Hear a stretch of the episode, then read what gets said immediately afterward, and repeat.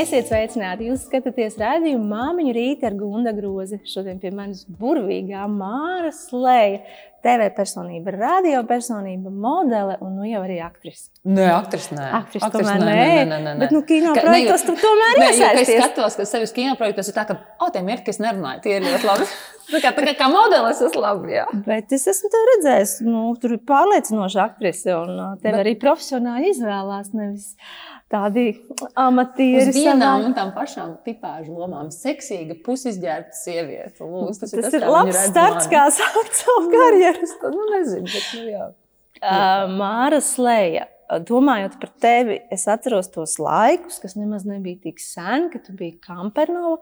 Tu biji tāds tā kā flagmanis, uh, zīmols Latvijas modē. Uh, un tavs uzvārds kā arī kā zīmols. Un tad tu kļuvi slēja, un tev ir bērni un ģimene.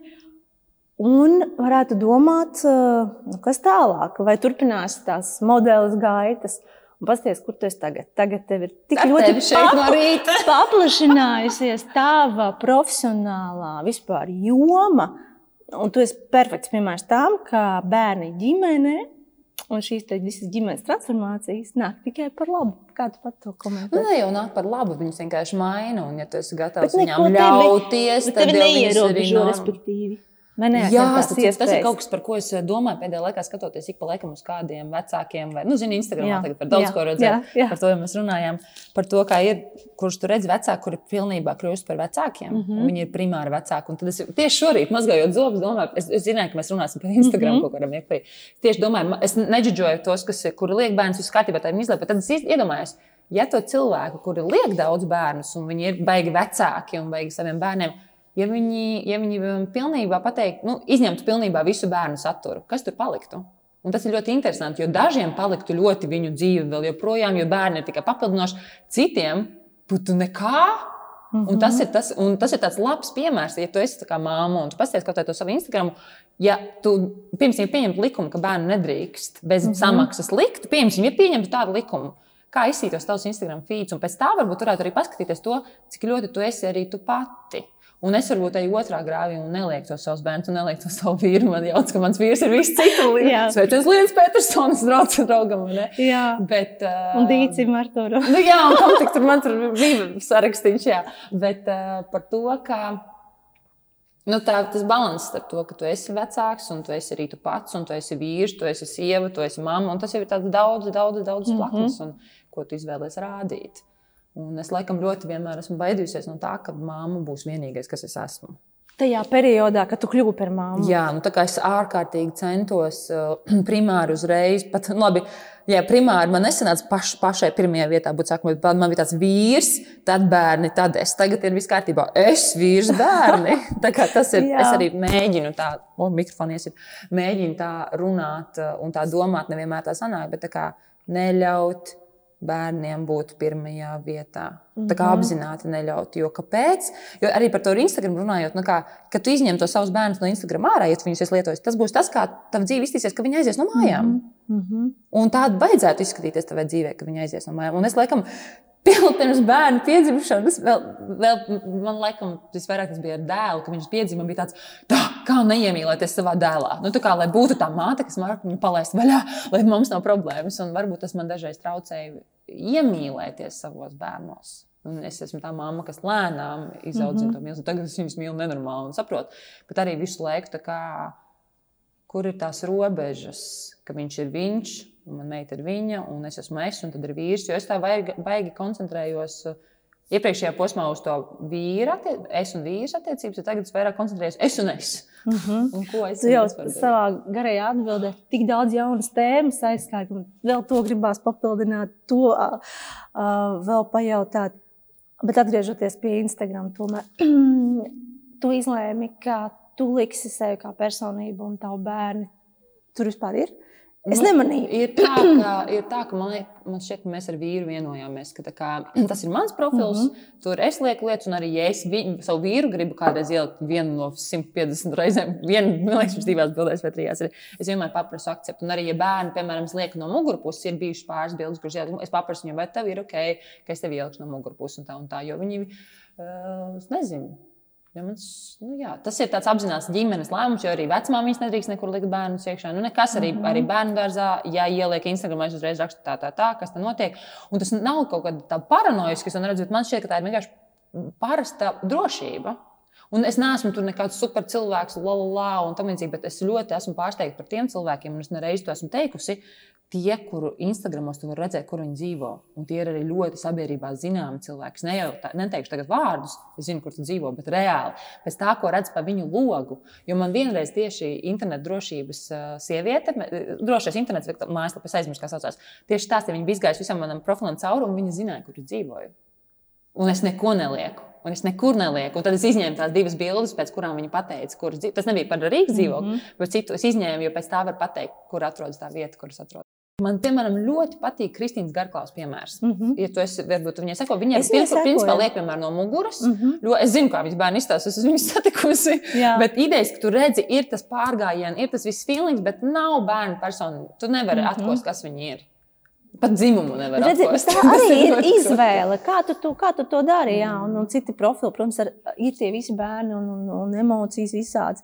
Un tas ir arī iedvesmojoši man pašai, kad es biju gan stāvoklī, gan tikko piedzimis bērns. Es, es gāju cauri tiem profiliem, un man tās māmas iedvesmoja. Nu, kā tā pati es pati. Jā, Viktorija. jā, nu, tu kaut kā Dievs, lūdzu, lietas, lūdzu, rādi, jo es kļūstu par labāku māmu skatoties. Varbūt, varbūt tas ir pat, pat drosme. Es neesmu pietiekami drosmīga, jo es zinu, ko tā publicitāte nes.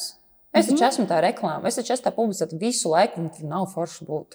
Tas, ko Džims Karijs, ka slava, nauda un ir trīs trakākās lietas. Un, Un tas, cik tevi tur nodirš, un vēl kaut ko, tas ir krietni mazinājies. Nezinu, kas noticis cilvēkiem šobrīd. Ne, nesaka man kaut kāda hate mail beigās. Vai arī viņi zina, ka es viņus uzaicināšu uz kafiju, ko es esmu jau teikusi kaut kad, mm -hmm. un tad viņi vairs man neheito. Jo tiešām kāds uzraksta, kad beidzot varēs nedzirdēt Māras leju radio.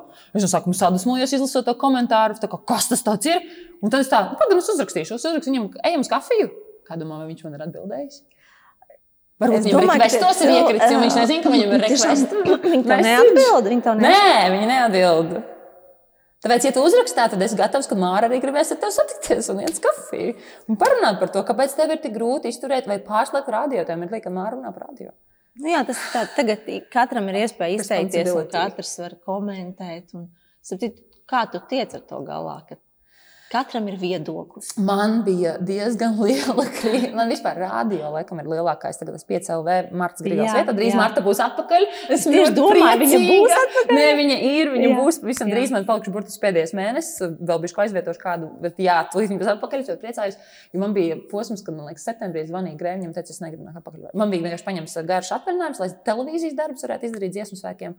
Es negribu nākt atpakaļ. Es vairs nevaru izturēt to, to, to nezinu, Twitter sūdu, vēl kaut kādu sūdu. Es zinu, ka es kļūdos, es nu, tā kā nevaru. Un viņš saka, bet viņš par to nedomā. Viņš par to nedomā. Es, saku, es nevaru, es tā kā iedzinos. Un tagad man ir tā, tagad kaut kas ir drusku pamainījies, tāpēc ka es uh, saprotu, ka primāri tas nav stāsts par mani. Un es esmu iemācījies to, ka, ja ir kaut kāds teikums, uh, emocionāls, arī par politiķiem runā un tam līdzīgi, izlasi faktus. Kas ir fakti? Jo, ja tev ir dabūjis, par šo Ingu Spriņģi ļoti labi runāja, ja tev ir uh, tie fakti, un viņi tev ne, ne fakti, bet emocijas uzkurina, tad mēģini izlasīt bez tā emocionālā uzraksta. Un tā, tad, kas tur ir? Pirms tam man saka, tu esi traka, vai tu esi stulba, vai tu esi iedomājies. Vienīgais, kas ir, tu esi. Jo tas, tas jau ir vērtējums no tā cilvēka puses un tam līdzīgi. Un tas tā bija tā kā skatos, jā, es esmu. Un tas traki, tas jau ir tā cilvēka kaut kāda vērtēšana. Un arī, kad es paskatos uz to otru un manī kaut kas rodas, tad domāju, tā no kurienes tas man nāk. Kā, jā, man uh, arī rādio, ja kāds uzrakstīja izziņās, jo tas man bija agrāk grūti, kad televīzijā un šeit nu, es varu izvēlēties nelasīt komentārus. Nu, man tas nav jādara. Nu, man arī varbūt mm -hmm. pat mhm. neinteresē. Man interesē tevi papļāpāt un operators redzēt. Bet, bet radio man nāk īziņas visu laiku. Un mans darbs ir viņas izlasīt. Un tad es esmu sapratusi, ka es viņiem pievēršos. Man ļoti, nu, tā kā es mēģinu to non-violent communication, bezvar, komunikāciju bez vardarbības, kas ir, oh, Tu šādi pateici, oh, izklausās, ka tu esi noguris, vai arī varbūt nejūties labi. Un šis varbūt nav īstais numurs, tev vajag uz to, kur var zvanīt un lamāties. Es tevi dzirdu, es redzu, ka tev, tu esi dusmīgs. Un tā kā apzināti mm -hmm. arī ar bērniem sarunu, oh, tu šodien esi riktīgi dusmīgs. Neuzņemt uz sevi. Nu, tā kā nevis uzņemties, bet kā, es principā pārprecēju viņus. Mm -hmm. Es nezinu, es atbildēju pēc kāda jautājumu. Bet, starp citu, arī tu kā publisks uh, cilvēks, gan kā modele, tu esi izgājis cauri nu, visādiem vērtējumiem, sākot no tā. wow, cik tu esi skaista. Nu, tur vispār viss šis medus, jā, un beidzot ar to vērtēšanu. Kā, kad var uzrakstīt kaut kāds cilvēks no malas, ka viņam nepatīk tavs balss vai kas. Kas nosēžas tavā pašapziņā? Uh, es pat teiktu, ka tādus apgādājus, cik tu esi skaisti, to ļoti maz modeļu pasaulē dzird. To, to ļoti strādā reāli uz laukuma. To tagad varbūt cilvēki un tā vide ir kļuvusi drošāka un foršāka. Cilvēki vienkārši neatļaujās pateikt, ko viņi domā.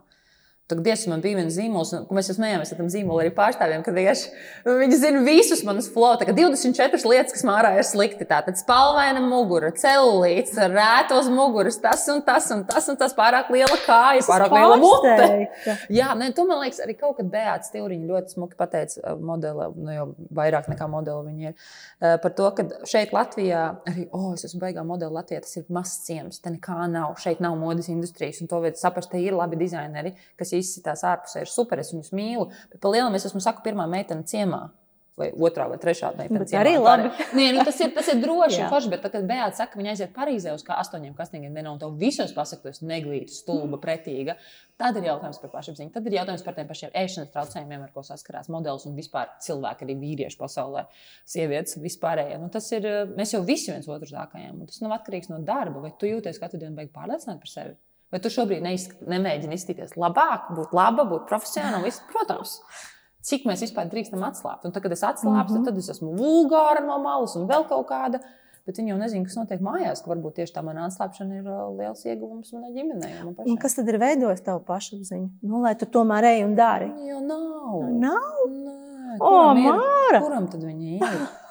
Nu, man, es tieši man nesen biju ļoti forša saruna ar vienu sievieti, kur, kur teica, ka viņai nepatīk, ka es runāju par savām pieredzēm publiski un skaļi, bet es viņu pieminēju šeit par to, ka es viņu, es viņu arī saku, nu, bet mēs jau abas esam super nepārliecināti. Tu taču arī, un es taču arī, vai ne? Un viņi saka, nu jā, un to atzīt jau nav viegli. Saku, tas tas ir pārsteigts. Tā pati grāmata, narcisms un tas viss. Jā, jā, jā. Nu, kā, nu, kāpēc tu būtu pārsteigts? Visi tajā pašā grāmatā arī sieviešu šais narcisms. Tur ir rakstīts par to, tie, kas ir tie perfektie, tie skaistie, tie dālā. Viņam īstenībā ir maz bērnu, kas vienkārši lūdzu, lūdzu iedodiet man uzmanību. Sētnieks, kurš vispār nav Instagram, tad varbūt ir daudz pašpārliecināts. Pašpietiekams. Pat ne par sētnieku, bet vienkārši cilvēks, kas ir humble un mierīgs un nezinu. Tā kā jā, pašpārliecinātība, kas tas vispār ir? Mieres iekšējs, pārliecība, tas būtu labi, bet pašpārliecinātība tā jau ir tāda, jau, kā mēs jau ejam cauri dzīvē, mums notiek process, kas ir sašķoba. Un kam tu notic? Saka, man ēķi filmu vajadzēja noskatīties divreiz, lai es, nu, es noskatījos pirms tam, pēc tam noskatījos tetā. Tagad jau jā, jā, jā, jā, lai jā. es saprastu, ka pirmā reize man liekas, ka, ak, Dievs, labi, tur bija divas ainas, kuras patīk, bet tā kā, oh, ak, Dievs, nu, nē, šis nav labi, vēl vīrs, tu saki, ak, Dievs, ak, Dievs, bet nē, nē. Un es, nu, man vajadzēja otrreiz noskatīties, lai saprastu, Nav nemaz tik slikti. Ir ok. Es nospēlēju naivu, stulbu, cacu. Ir ok. nu, tas, ko vajadzēja, es saprotu, pēc tā uzstādījuma, ok, bet man vajadzēja otrreiz noskatīties. Uh, lai es pats saprastu, ko es par to domāju. Jo es saku, nu, nē, tas ir baigi labi. Tur kāds saka, nē, tas galīgi nav labi. Laba, laba, šī labākā, vismaz, kurā tu esi piedalījusies no sliktajām filmām. bet uh, man pašai bija tāds, ka okay, ir kaut kāda kadra, kas nav labi, bet šis ir labs. Un es mēģinu arī dabūt to līdzsvaru. Šis ir tas, kas man sanāk labi, šis ir tas, kas man nesanāk vispār. Kā tajā pašā radio. man patīk operatori. es jūtu telpu, es nevaru viņas nejust. Tas ir ļoti forši. Negriezies šo ārā. Lūdzu, sarunāts. Lūdzu. Sarunāts. Nē, bet arī, es esmu ļoti labi telpas jūšanā, ne, un, un mēģinu arī radio visvairāk ar tiem klausītājiem komunicēt, bet es, piemēram, vispār nevaru pateikt dziesmu vārdus. Es vienkārši nevis dziesmu vārdu, bet dziesmu nosaukumus un izpildīt. Es vienkārši nevaru. Bet es neatceros, ir Bonīver bon, vai Bonaiver. Un es tā kā zinu, bet es nevaru neatceros. Tas vienkārši nepasaku. Vai arī googlēju, googlēju visu laiku, pirms man jāsaka, bon, Bonīver laikam ir. Tas nav pateicīgs darbs, jo tev visu laiku jāatceras. Es... Es, zinu, Nē, un, un es varbūt arī es zinu, ka man lielā spēja ir tas teikt cilvēkiem, tu vari kļūdīties. Redzi, es visu laiku kļūdos, un es turpinu dzīvot. Jā, tas ir sāpīgi, jā, es izdaru dažādas kļūdas, kas ietekmē ļoti citus cilvēkus. Un es atvainojos, es mācos un es mēģinu turpināt. Nepadoties, tā, ka tu esi smagi kļūdījies un tevi nozākā. Ir mil... Man ir divas māsas, kas man ļoti atbalsta. Man ir vīrs, kas ļoti atbalsta. Es tikai mammai piezvanu un paprasu, kas tas ir, ko man tagad darīt. Tad, ja ir apkārt cilvēki, kas tev kaut drusciņi tic, tad sev ticēt ir daudz vieglāk. Bet primāri jau jāsāk uz sevi. Bet drosme jau taču tev ir. Drosme gan ir, jā. Tas gan ir. Un ir mirkli, kad uh, man arī tagad kaut kāds tāds triceklis ieslēdzas iekšā. Arī drosme atnāk pie tevis. Tāpēc, pie ka, manis. nē, jā, nu, tāpēc, kad uh, mēs it kā runājam divi tā, bet tur ir trīs kameras. Jā. Un, un ja šitā es izdarītu, man būtu daudz, daudz vieglāk. Mm -hmm. Un tā kā tad es tiešām Ja esmu mēs uz ielas satiktos. Jā, vai uz ielas satiktos, bet vai mēs šitā runātu uz ielas? Mm -hmm. Un tas ir par to, ka šeit es esmu one, uh, vulnerable, kā ir latviešu Ievainojama. ievainojama. Mm -hmm. Jo es jau gribu ar tevi runāt, es gribu pastāstīt savu stāstu, es gribu dzirdēt tavu stāstu, man tas interesē. Bet ko kāds ar to pēc tam darīs, tā vairs nav pat mana atbildība, un es to nemaz nevaru ietekmēt. Bet mm. -hmm. atnākt pie tevis šeit un papļāpāt, man ir liels gods, jo man šķiet, ka ir forši, ka tevi redz un grib zināt, kā tev iet. Un tas, man liekas, ir tas, ko es mēģinu dot citiem cilvēkiem. Arī kaut kādā ar to pašu rādio, kas man tagad ļoti mīļš ir kļuvis ļoti pārsteidzoši, ka man jāiet prom un sāk beidzot Kaut kas personisks tev visā. Nē, zini, kas tur ir tas, kad es sāku. Man reāli sāk patikt tie klausītāji. Viņi sāk saprast, tas ir pats, tas pats tomots, tas pats ūdens, tur tā, nu, tā kā ģērbs, un ir tur, tur kaut kādi tipāši, ko es jau zinu, un es zinu, kur viņi dzīvo. Tā kā reāli zinu, kur viņi dzīvo, kā sauc viņas bērnus, kurā skolā iet viņa bērni. Tu jau dabū tādu komunu un, un, un dot viņiem to, ka es tevi dzirdu. Man ir svarīgi, ko tu saki. Man tiešām ir svarīgi, ko viņi saka. Man tiešām interesē. Jo es, es, saku, es smējos, man ir pieraksts blociņš, piecēlē klausītāju ieteikumu, bet man reāli ir, es ik pa laikam pierakstu, tā, šī teica to un to, tā man šis jāpieraksta, to, ka Dievs ir šī tāda aplikācija. Wow! Nu, tā kā tik daudz ko iegūstu, jo es klausos. Man, labi, tagad es neklausos. Bet atgriežoties pie bērniem, tomēr. Un Kā māmiņa rīts. Bet, protams, vispārējais arī. Uh, kā tevi bērni ir mainījuši? Kā tev pašai šķiet? Es Klasiskais tagad darīšu tā kā, es tagad jautājums. darīšu tā kā košums, jeb košums, ielpošu pirms atbildēšu. Es nostājos ar viņu interviju, man ļoti patīk, liekas, kā tā var runāt. Nu, ka tu nevis uzreiz saki, ko tu domā, bet tu padomā, un tad pasaki perfekti. Tagad es padomāšu, kā man ir mainījuši bērni. Man ļoti patīk, kā teica Andrejs, laikam tāds aktieris, tāds ļoti foršs, viņam arī bērniņš ir, viņš tagad Austrijā, es nekļūdos. À, Jums ar Jā. viņu bija intervija Jā. Un no jā. Santas intervijas man stāv izgriezta lapiņa Jā. manā moodboardā, kur viņam bija vecmāte teikusi, nezinu, vai tu atceries, bet jā, a- a- es atceros jā, to interviju. abnormāli krūts teiks, es šodien laikam raudāšu. Kad atvērts, Tas ir normāli. Tas ir normāli. Bet tur viņš teica, ka bēr, nekad nebaidies no iespējas radīt bērnus, jo tie bērni tev ieliks tajā vecumposmā, kurā tu pats esi bijis, lai tu pats vari sevi izterapēt tajā vecumposmā. Un es to reāli es izlasīju, to man tā kā saslēdzās. Jo man ir bijis tieši tā, ka man dēlam, viņam tagad ir pieci, bet viņam, ne, viņam nav pieci. Būtu pieci. Četru gadu vecumā man beidzot saslēdzās tik daudzas lietas caur viņu, caur to, ko es biju piedzīvojis četru gadu vecumā. Pat lietas, ko es biju aizmirsusi, kas ar mani bija notikušas četru gadu vecumā. Un es skatoties, viņu domāju, wow, nu kā, kā es biju tik maziņa, un es tur gadu nodzīvoju pie vecākiem viena. Nu, tā kā, kā tās lietas tā kā notiek, un tu sevi dziedē. Un tas, ko man ir mainījuši, kad es reāli redzu, kas man nepatīk, kā es daru, un es mēģinu apstāties, lai beigtu to darīt. Nevienmēr tas sanāk, bet mīlu, ak, Dievs, es saku, tāpēc es ļoti mīlu savu vīru, un es ļoti pateicīgu, ka viņš man dod laiku. Un viņš tic, ka es varu mainīties, un es mainos. Nu, tieši ar bērniem. Nu, kā, saku, ka mēs tikai strīdamies, kad bērniem blakus. Tā divi tā mēs vispār nestrīdamies. Kā divi tā ir tā kā, yeah, we having a good life. tā kā ir bērni, tad arī vakar tie es kaut ko tur bērniem salieciet LEGO uz paplātēm. Ja kaut kas LEGO ir uz zemes, tad viņš iet lielajā kastē un bērns uz mani kliedz. Un tā meita tikai liek kastē, un viņa jau besīga. Un bija ienāk māra, izēja ārā no manis. Es iziešu, kad es būšu pieaugusi sieviete. Es esmu pieaugusi sieviete, pats pieņemt lēmumu, kad iziet. Es tevi dzirdēju, es redzu, ka tu satraucies, bet es iziešu, kad iziešu. Viņš aizgāja, viņš nolika robežu. Un pēc trīs minūtēm mēs visu atrasinājām. Bet vīrs piegāja, viņš redzēja, ka ir kaut kas, kur varbūt viņam jāpalīdz, bet viņš man uzticējās, ka es tikšu galā. Es arī teicu, es iziešu, ka es būšu gatava. Un tad viss saprata, ka ir nomierinājušies, un viss bija uz paplātēm salikts, viss bija kastē salikts, un viss bija kārtībā. Tev ir divi bērni, puika un meitene. Kādas ir atšķirības? Pirmais bērns, otrais bērns. Tas ir atkarīgs no nevis puika, meitene, bet temperaments. Kuru, kuru vecāku, kurš izbēsīja vairāk? Jo viss tas, ka vīram ar meitu ir kaut kāds tur, kaut kas tur ir. Nu, es neteikšu dziļāk, lai tas, tas ir Jā. viegli, bet kā, nu, redzi, ka viņi viens otru uzvelk, un man ir dēls, mēs viens otru uzvelkam. Un tas ir tik interesanti skatīties, kā mēs arī kā pieaugušie strādājam ar sevi, lai kā, ja nāk tas impulss, ka mēs, kā, mēs esam pieaugušie. Atcerieties, ka mēs viņiem varam parādīt, kā mēs viņus varam uzklausīt. Viņi šobrīd jūg prātā, bet mēs varam mēģināt kā, viņus atvilkt pie sevis atpakaļ. Un tas ir ļoti interesanti, jo dēls ļoti mani triggero un ceļ lietas ārā, kuras man arī ļoti labi sanāk, arī tikt viņa galā. Un vīra meita, jā, bet uh, tas. Uh, Man, es tieši pie Bābas Ipnieces arī tajā YouTube runāju par to, kā man ļoti nepatīk, ka mūsdienās ir glorificēta īpaši Latvijā, īpaši pēcpadomju savienībās, visās vietās mātes tēls un mātes loma, un es eju pret to. Jo tām nav jābūt. Mātes loma nav galvenā, jo pārāk liela mātes mīlestība, pārāk, es nezinu, varbūt jūs arī operatori izdzirdāt, ko es saku. Jā?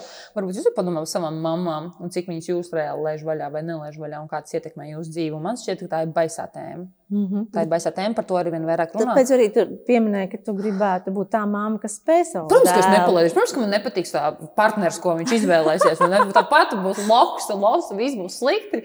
Bet uh, to, ka es jau to zinu, es slēgtu daudz mikrofonu. Bet uh, tas jau ir daudz, man šķiet. Un mana mamma bija tāda, kas laida vaļā. Mana mamma bija tāda, jā, kas varbūt nodarīja vairāk pāri nekā labu, bet viņa reāli mums bija brīvība. Un tas, ka mēs zinām, ka mēs paši varam izdarīt lietas, un, uh, un man ļoti nepatīk pieauguši cilvēki, kuru mammas nelaiž. Jo tā ir mammas atbildība palaist to bērnu vaļā. Un bērnu atbildība griezt, cirst, nabas eidus nost. Un es tagad nerunāju par saviem bērniem, jo es jau esmu posmā, ka man vēl viņi jāmīl un jāiemīl un jāiemīl vairāk. Bet es esmu par pieaugušiem runāju, kuri turās. Un, un saka, tajā sievišķies narcismu grāmatā, es vakarā lasīju tieši to, kā nelaiž tie vecāki vaļā. Tas ir slimi. Tev vajag būt tīram Instagramam, kad bērni iziet no bērna. Nu, tīpa, tā kā pasties uz Instagram. Vai, tos, vai tev būs piepildīta dzīve, kad tas bērns vairs nav tavā dzīvē, vai tava dzīve ir piepildīta arī, kad tas bērns ir tavā dzīvē? Jo to es kaut kad saku, mēs bijām uh, svētdien uz uh, snowboard, visi snovojām. Protams, ka bērns būtu vieglāk uzlikt uz slēpēm. Pirmkārt, otrkārt, protams, ka dēls vispār negrib kāpt ārā, bet es viņu tur parunāju par Ziemassvētku dāvanām, tā kā mēģinu pierunāt uzlikt tomēr zābakus. Protams, bet mēs gribam snovot. Bērni brauc līdzi. Tā kā daļai jau bērni dzīvo mūsu dzīvi, kas nezinu, labi vai slikti. Protams, ja viņi gribēs slēpot, es viņus arī uzlikšu uz slēpēm. Bet eh, nu, mēs darām kopā kaut kādas lietas, un man ļoti patīk, ka mēs arī braucam līdz vīram, kur viņš sērfo, jo tad Mēs esam kopā, bet mēs īstenībā katrs darām savu lietu. Vīrs sēfo, bērni grauž smiltis, un es vienkārši sēžu un neko nedaru. Un mēs esam atraduši katram kaut ko saistošu tajā braucienā. Tev bērni viens pēc otra, vai ne? Nu, nu, ir, kā, ir viens pēc otra, bet ir jau arī ātrāki. Un tas grūtums, kā tev šķiet, jau ir pagājis? Jā, Jo man grūtākais ir fiziskais. Es pirmo gadu nesaprotu. Pirmais gads ir ļoti grūti. Zinu, ka daudziem ir tāds, oh, viņš ir mīlīgs un tik smuki guļlā. Nē, es esmu tas vīrietis, kas parasti ka tā, ka tas ir viņa spēle futbolu. Tas viņas tagad, jā, ir vieglāk, tāpēc ka tagad viss ir psiholoģiski. Mm -hmm. Nav vairs fiziski. Es neesmu fiziski pārgurus. Es varu aiziet, cik gulēt dēls atnāk pie manis varbūt reizi nedēļā kā, uz, pie gultas un so, ko man bija slikts sapnis, un es viņu aizvedu atpakaļ. Tā kā, ak, Dievs, ir daudz vieglāk. Mm -hmm. Bet sā, tagad saku, tas jau posms šķiet jau beidzies, tā, kad bija sākums ar diviem. Tas bija čau. Mēs abi divi nu, bija pārslodze nenormālākā. Un tas ir atkarīgs no kauna, kā mums arī bija palīdzība, viss kaut kas. Bet, bet tāpat. Jā. Jā. Man arī bija tā, ka nu, nu bērns ļoti slikti gulēja un ilgi slikti gulēja. Mm. Tad, tad, tur tā, nu, vienkārši tas ir kā teicienā, ja tu ej cauri L, tad turpiniet. Nu. Kā man māca, kā man māca, ka pirmie divi, īpaši ar mazu starpību, divi, pirmie divi gadi ir L un Indija. Un tagad jau ir. Tagad, tagad būs jā, citas lietas. Tam, Nē, zin, tagad ir psiholoģiski. Tagad jā, ir psiholoģiski. psiholoģiski tad, tad tu paliek... saproti, ka viņš visu uzsūdz, viņš skatās visu, ko tu dari, viņš visu atkārto. Tev jākļūst par paraugu. Tu, nu, tu, nu, Zini, tomēr... Man ļoti patīk, kā Krivenčī teica, kaut kas ļoti patīk, kā viņš teica par to, ka uh, viņu tur heito, kā viņš tur runā, jo tu taču esi tur ietekmēls, uh, un tu taču ietekmē tos bērnus, un es influenceru, viņš saka, esiet paši savu bērnu influencēt, tā kā lieciet man mierā, es darīju, ko es gribu. Un tajā pašā mirklī man šķiet, ka vecāki, kā, es nesaku, ka es esmu piemērs, jo es arī vīram vēl pirms mums bija bērni, viņš teica, un tad es tiem bērniem daudz ko iemācīšu, lai es saku, nē, mīļais, viņi tev iemācīs, gribēs vai negribēs, viņi reāli būs tie skolotāji, jo man mamma arī saka, ka bērni ir gudrāki par vecākiem. Tad es esmu gudrāks par savu mammu, man bērni ir gudrāki par mani. Un man tas ļoti, ļoti, ļoti patīk. Jo es aizmirsu, ko gribēju teikt. bet, ja kurā gadījumā mazās lietas, kur tu citreiz nesaņemtos, bet tu saproti, ka bērns tevi vēro. Ne, man tā nav. Es tevi dzirdu. Jā, tas ir tas, ko gribēju tieši. Man tā nav. Man tieši ir tā, ka es drīzāk būšu es pati, un es noreidžošu un izdarīšu kļūdu, un tad pieešu un pateikšu, un pēc tam, kad saprotu, ak, Dievs, šis bija pilnīgi nepareizs, ko es izdarīju es esmu lamājusies viņa priekšā, visu kaut ko darījusi šādi. Šis nav adekvāts, es tajā mirklī nebiju adekvāts. Tā, nu, tā kā es rīkojos pilnīgi nepareizi. Es ļoti centīšos turpmāk beigt tā darīt, apstāties ātrāk, pirms to izdarīt. Reāli viņi man redz vissliktākajā. Viņi man ir redzējuši ļoti sliktākajos punktos. Un pēc tam viņi arī ir piedzīvojuši to, kā es pasaku, es reāli šobrīd krūdījos. Šis pilnīgi nebija ok. Kā tu jūties tajā mirklī, kad tu to redzēji? Oh, es biju nobijies, es saprotu. Un tas ir ok, tu drīkst tā justies, jo tas nebija normāli. Tā nav tava atbildība, tā ir manējā. Man kā pieaugušajiem bija jātiek ar to galā. Man ir ļoti žēl, ka tev to nācās redzēt un tam līdzīgi. Nu, tā kā tev ir asars acīs. Nē, tā nē. ir gaisma. Es nesaprotu, ka kaut kas būs. Es tur labi Es iedziļinos tavā teiktajā. Bet uh, tur nebija tā tēma, par ko raudāt. Noredz. Tā Jā. kā, jā, es pilnīgi Jā. noteikti nebaidos būt es pats, un es neesmu Jā. piemērs. Es neesmu piemērs. Es nezinu, vai tu Jā. saproti, ko es saku. Es dzirdu tevi. Tu dzirdi, bet vai tu Es tevi saproti? dzirdu, un es tevi saprotu.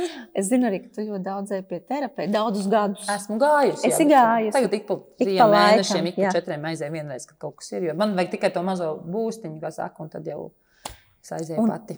Māra pirms terapijas, un Māra tagad.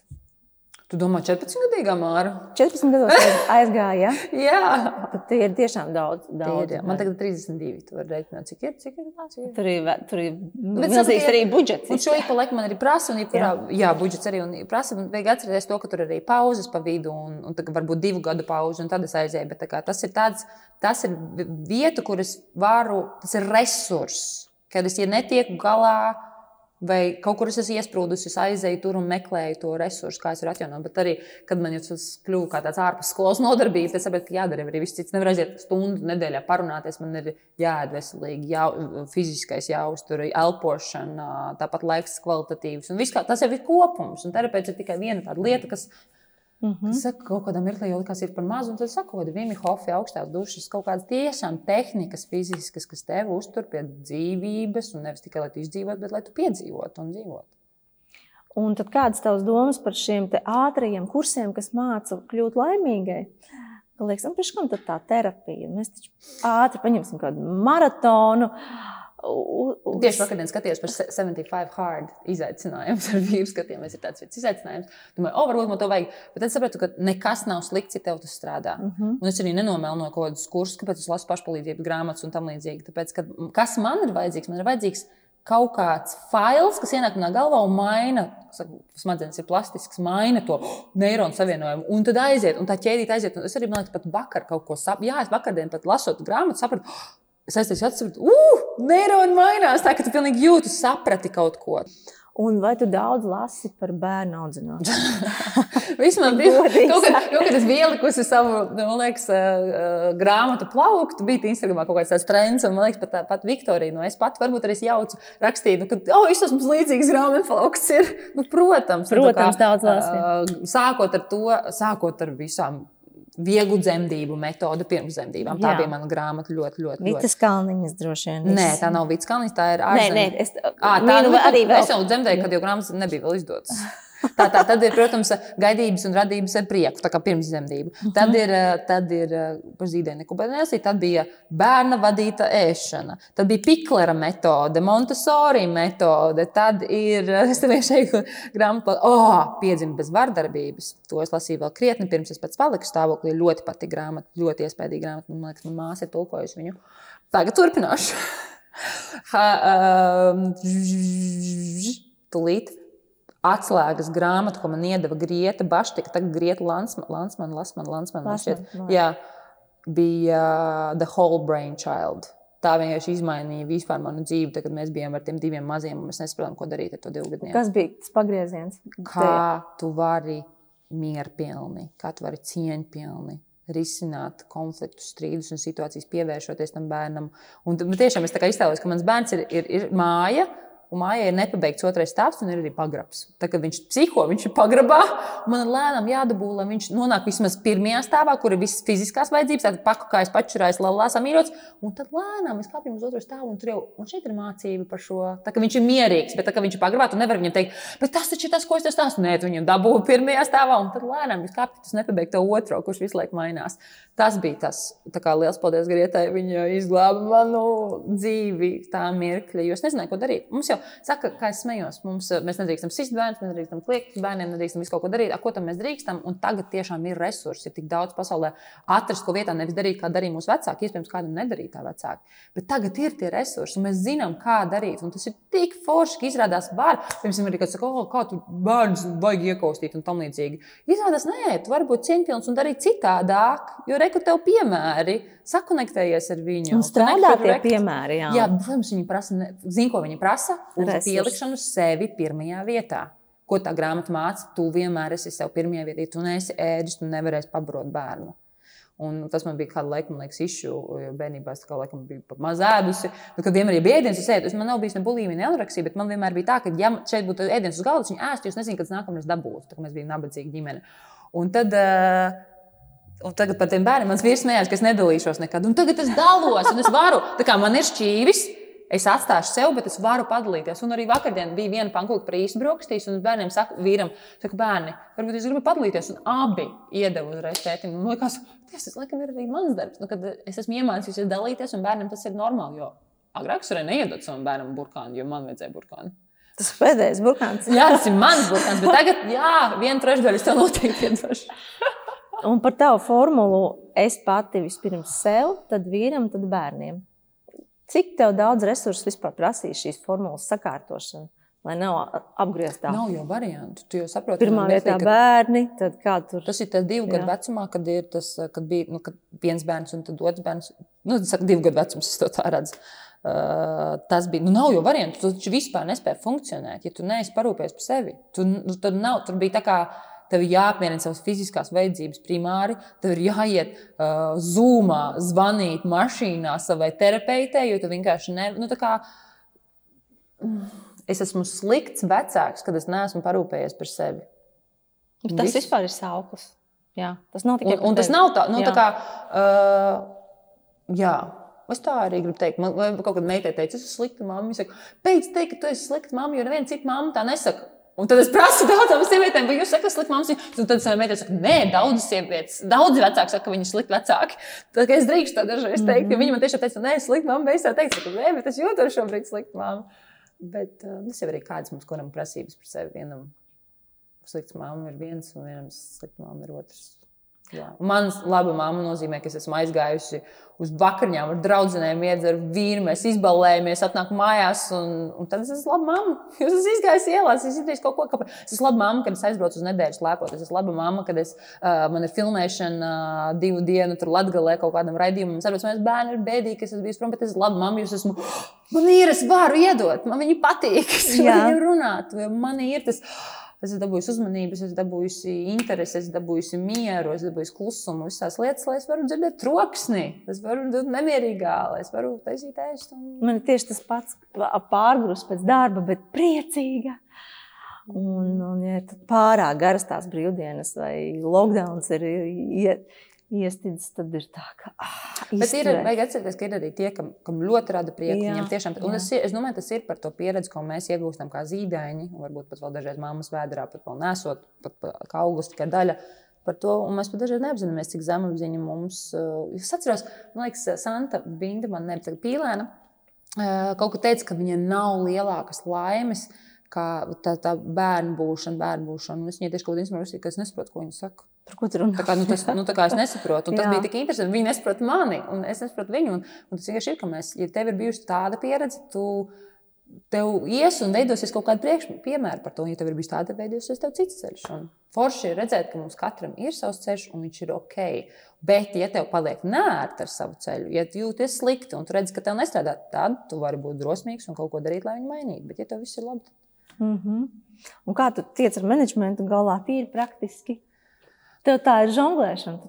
Cik Nu, nu, projekti? Zini, kā man kaut kad viena aktrise rakstīja arī Instagramā, Mārvai, tas nav, nav kāda grāmata, kur vienkārši ir uzrakstīts, kā būt successful un karjerā, bet arī būt kā mamma. Es saku, nē, nav tāda grāmata. Bet es tev varu pateikt šo grāmatu, šo grāmatu, šo grāmatu, varbūt kaut kas tāds. Sveiciens aktrisē, jo viņi zina, es viņu dievu. Es neteikšu viņas vārdu, vienkārši viņas svarīgi. Uh, bet, uh, bet, bet, bet, bet, bet, bet, tas, kur ir par menedžmentu, nu man ļoti daudz vīrs palīdzēja. Nu, īpaši sākumā, es saku, es 14. dienā pēc dzemdībām filmēju pirmo raidījumu pēc pirmās meitiņas. Tas bija, protams, fakaps, un es pēc tam dabūju mastītu, jo tā kā, tu nevari iet uzreiz 14. dienā prom no bērna un tam līdzīgi. Bet um, vīrs pirmos 6, 8 mēnešus bija, un tad mums auklīts, saka, mums ir bijuši kaut kāds 11 auklīts. Ja cilvēki, kuri man dara, kas pieskat pavadu laiku maniem bērniem. Viņi ne, viņa nevajag gatavot, viņiem nevajag tīrīt, viņiem vienkārši vajag pavadīt laiku maniem bērniem. Un ir bijis tikai viena slikta auklīte visu šo laiku, ko es atradu Facebookā. Nekad, Jo man ir tāda, kad man bārā piesakās cilvēki, auklēt bērnu. Oh, es tev piestīšu to bērnu, bārmenis. Es saku, jā, ideāli. Un es arī jūtu, tas ir atkarīgs no tā, kā es, man intuīcija saka, jā, šis cilvēks, bet man saka, man kolēģi no piecinieka ir pieskatījuši Valters un Kristīns. Kā tu zināji, ka tā ir slikta auklīte? Nē, pēc tam vienkārši sapratu. Aha. Nu, es jau zināju, ka tas jau atstāja. Man nebija variantu. Man bija viņa uz sliktām. Vienkārši nu, tā kā nu, nav ne cilvēks, ar ko Nebūs, jā. jā. Un man viss vienmēr ir jauns. Arī mēs par šo vienreiz arī runājām. Ah, man liekas, ar psihotēnieci arī runājām jā, par to, ka man viss ir jauns. Viņai vienmēr viss bija gados. Kā, kāda ir tā atšķirība? Bet tas menedžments ir par to.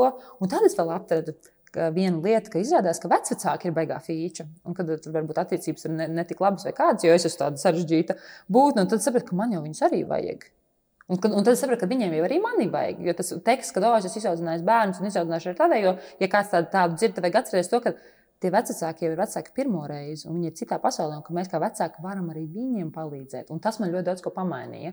Es sapratu, ka nu, nevis no manas no augšas, bet pagaidām pag, mēs esam vienā līmenī. Jo šie cik laiki, es tev pāri pastāstīju, kas ir bērnu vadīta ēšana, viņš nenomirs, ja viņš ēdīs eh, pats savu burkānu. Ja? Kaut gan viņam trauks, ka Dievs viņš aizirsies un nomirs. Nē, uzticies. Un kad ir otrais mazbērns, mūsu mazbērnam ir bērnu vadīta ēšana, viņi jau lepojas. Tā kā, tā kā menedžments ir. Tagad jau forši man tagad ir radiodarbs un uh, tur jau ir.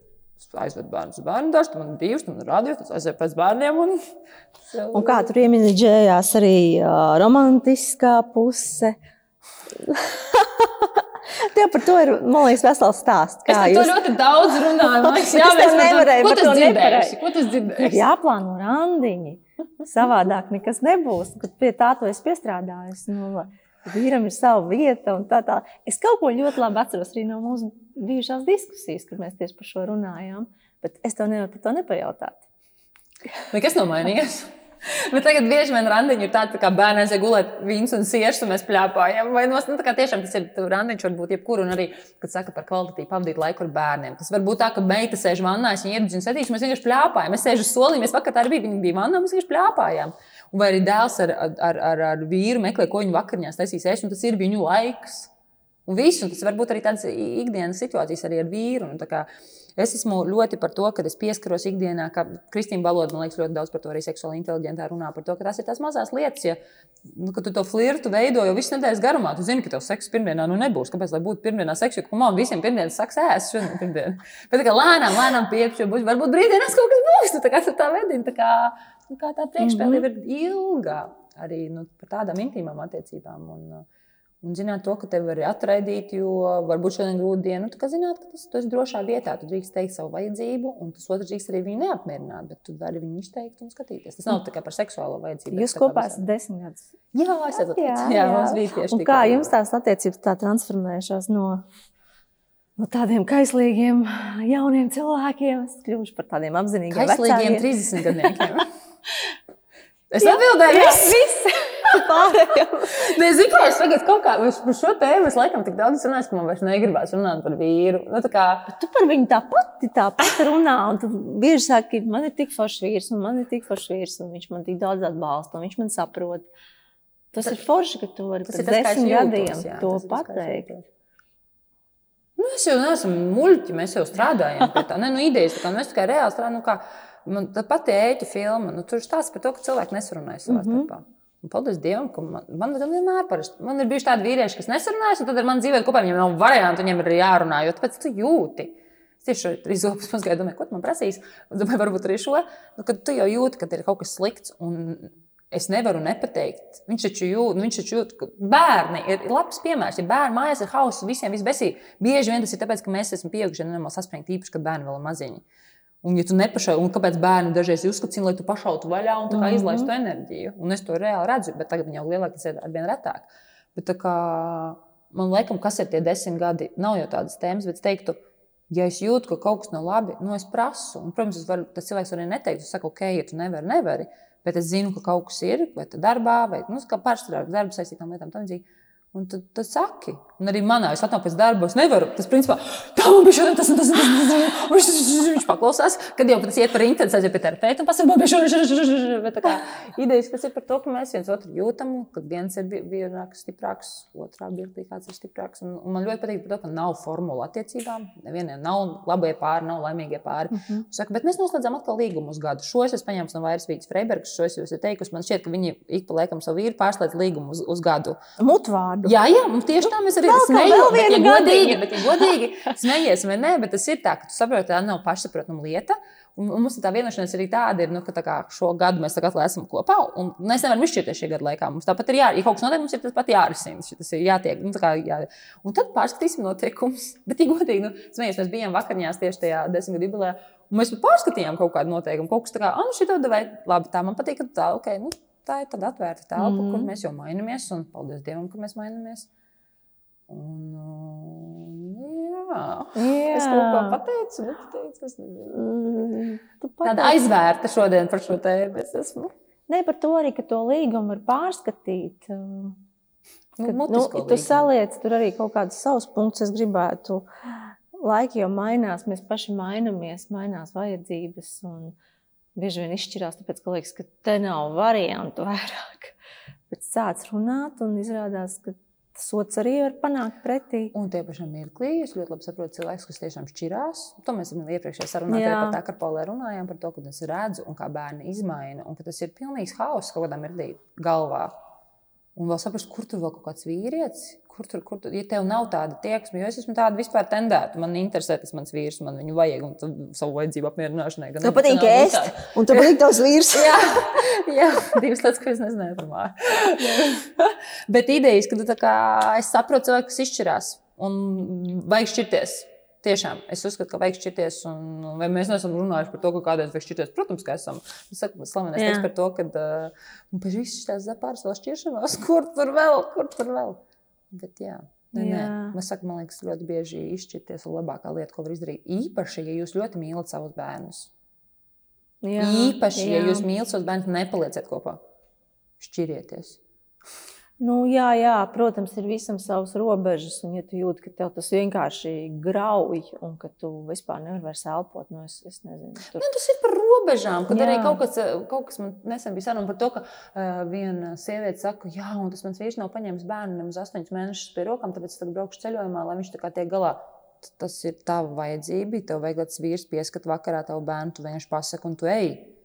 Jā, tev būs bail, tas ir par to drosmi arī, par drosmi īstenībā pateikt Es tagad ļoti daudz arī uh, par vajadzībām runāju. Par, tas ir tāds non-violent communication, ir tāda grāmata, man liekas, arī tāds kungs, kas runā par to, ka mēs varam maigi izteikt savu vajadzību. Un tā, tā mana izteikta vajadzība tev ir kā dāvana, ka tu zini, mm -hmm. kā īstenībā, kas man ir vajadzīgs. Un tad jau tas ir neieejot līdzatkarībā, vai tu to gribi palīdzēt, piepildīt, vai negribi, bet saprast, kas tev ir vajadzīgs. Nu, ja tu neesi pateicis, kas tev ir vajadzīgs, tad uh, nevar vainot. Tas arī par responsibilitāti. Man ir visādas teorijas, man ir ļoti daudz teorijas. Man vienmēr terapeits saka, man ir pārāk daudz teorijas, ka man vajag sākt just savu ķermeni vairāk. Es jau viņu jūtu, bet man teorijas rada rošu drošību, ka es zinu konkrētajā mirklī, es varēšu izņemt failu. Ah, šis bija par to tā, vai man šito tagad vajag, man nevajag. Un man liekas, ka arī Jana, Jana Čuzuli, nevis Čuzuli, nē, bācis aiz čī, čī, čī, čī, aktīvi. Jā, pavisam nesen arī seksuāli inteliģenta teica, Jā. ka mēs esam paudze, kas tagad uzsaņemās atbildību par savām lietām. Un vairs nevar teikt, jūs esat vainīgi, nu, tas, kas notiek. Paņemšu šo tēmu, tas, kas šobrīd notiek politiskajā sfērā, kur tiek vainots visu laiku kāds, un īpaši tajā sadaļā, kas taisa kaut kādus lielus pasākumus un tam līdzīgi Kam nu beidziet vainot citus? Uzņemies atbildību par sevi. Tu esi vietā, kurā tu vari ietekmēt. Vienīgajā vietā, tu esi fucking saimā, es atvainojos, un tu, tu nevari neko izdarīt.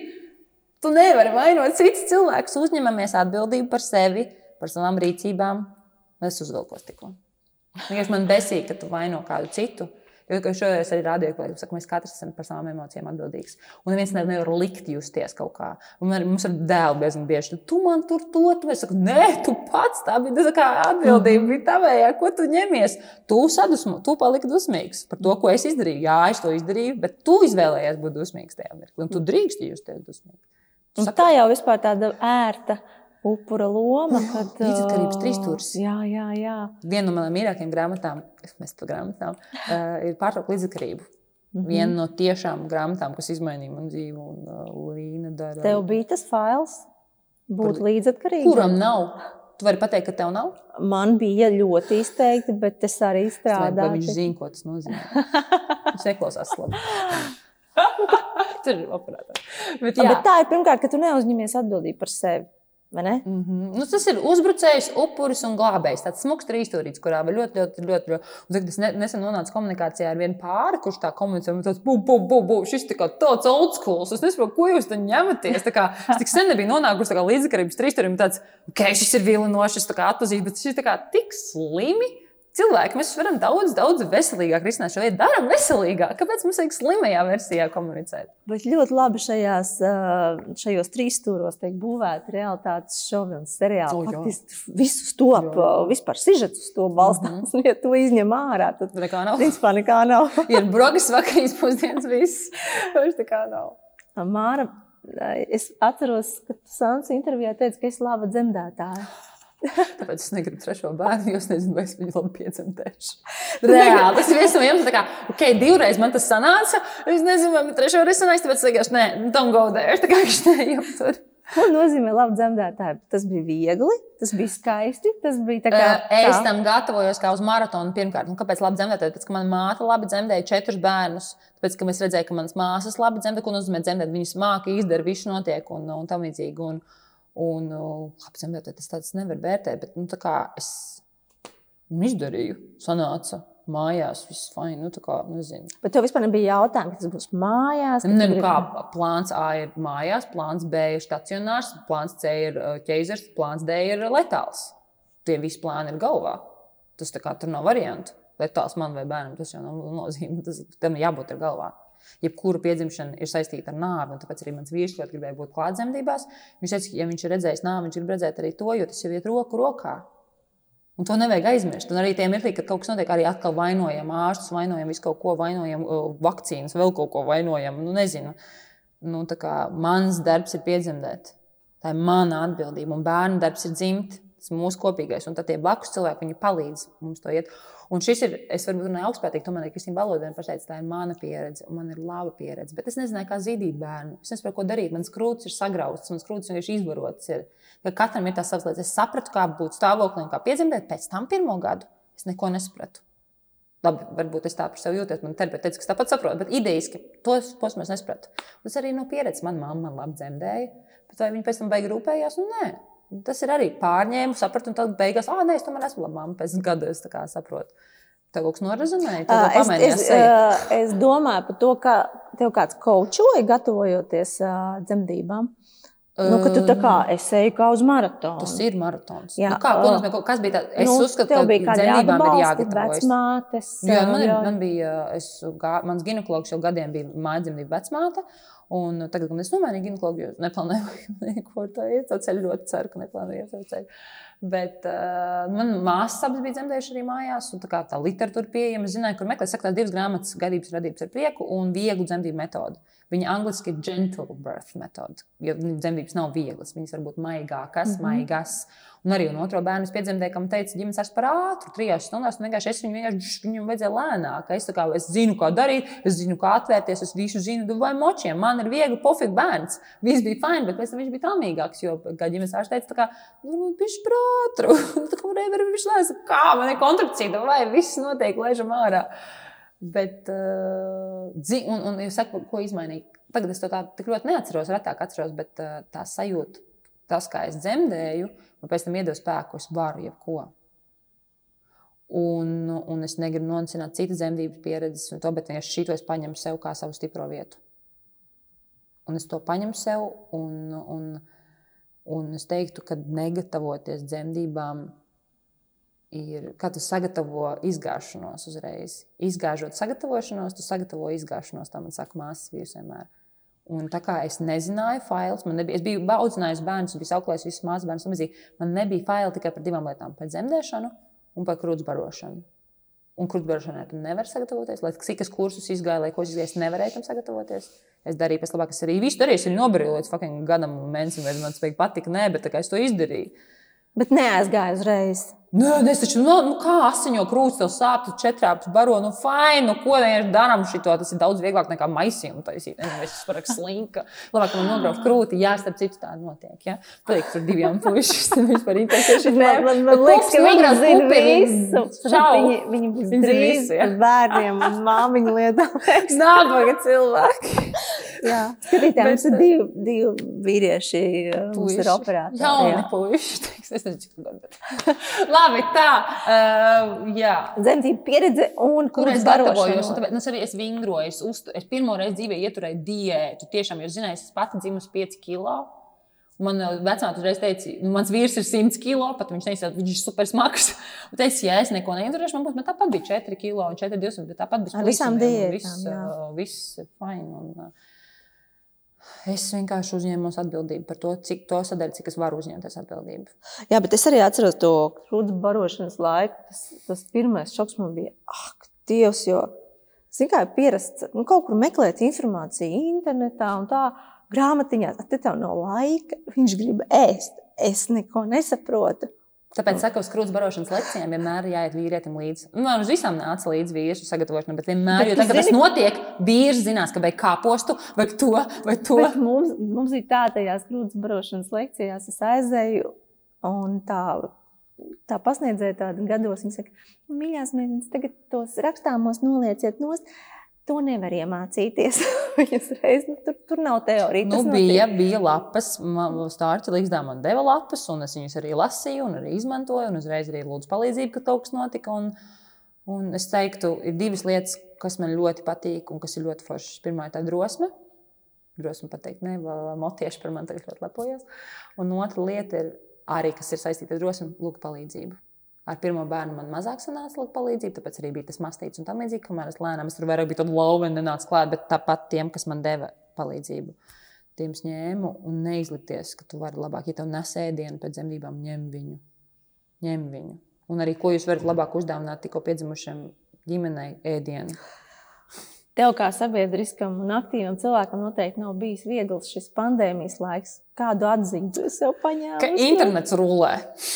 Ka, ja godīgi, ka ja vajag dabūt komunikāciju, ja es agrāk biju tā, kas tā kā, kāpēc es filmēju savus bērnus, skatoties uz viņiem, vai, vai kāpēc es tik daudz tur sēdu, ir fini, vajag nofilmēt bērnus, lai sūtītu vecākiem, vajag dabūt Instagram draugus. Es saku, Kristīna Garklā, viņa varbūt nav mans draugs, bet kā tik daudz viņa man ir iedvesmojusi, tik daudz, kas viņam var uzrakstīt un tam līdzīgi. Tā kā ir tie, ka ir izveidojušies interneta cilvēki, kas tev arī iedod to komunikāciju, kas saka, to uzmanību iedod. Un internets rulē. Ko es tev pateiktu? Lockdownā uh, man ļoti, es esmu pārsteigta par to, cik mēs četrtā mums īstenībā ir ok. Nu, cik daudz mēs, jā, izrādās labi, ok. jā. Lego rulē. Multnīca arī.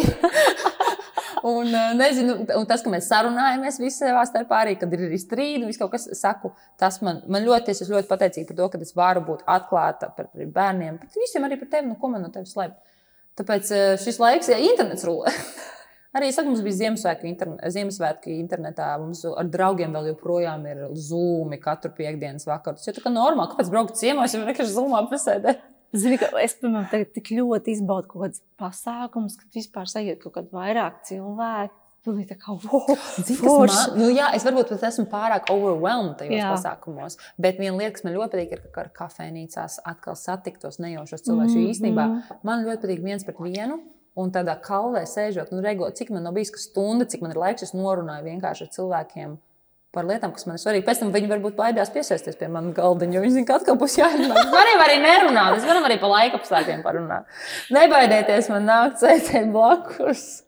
Es Māra, mums tagad viens konkursiņš ir ā, skatītājiem ļoti brīnišķīga balva no zīmola Oksitāna.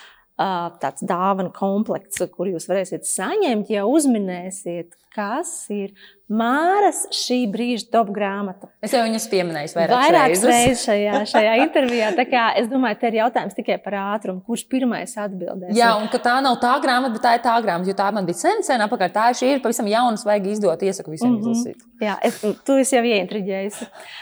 Un ā, tad, tad savas atbildžu versijas sūtiet uz Akropolis Instagram vai Facebook kontiem. Vienkārši vēstulītē uzrakstiet. Bet ir traki, es nosaucu trīs, kā viņi zinās, kura.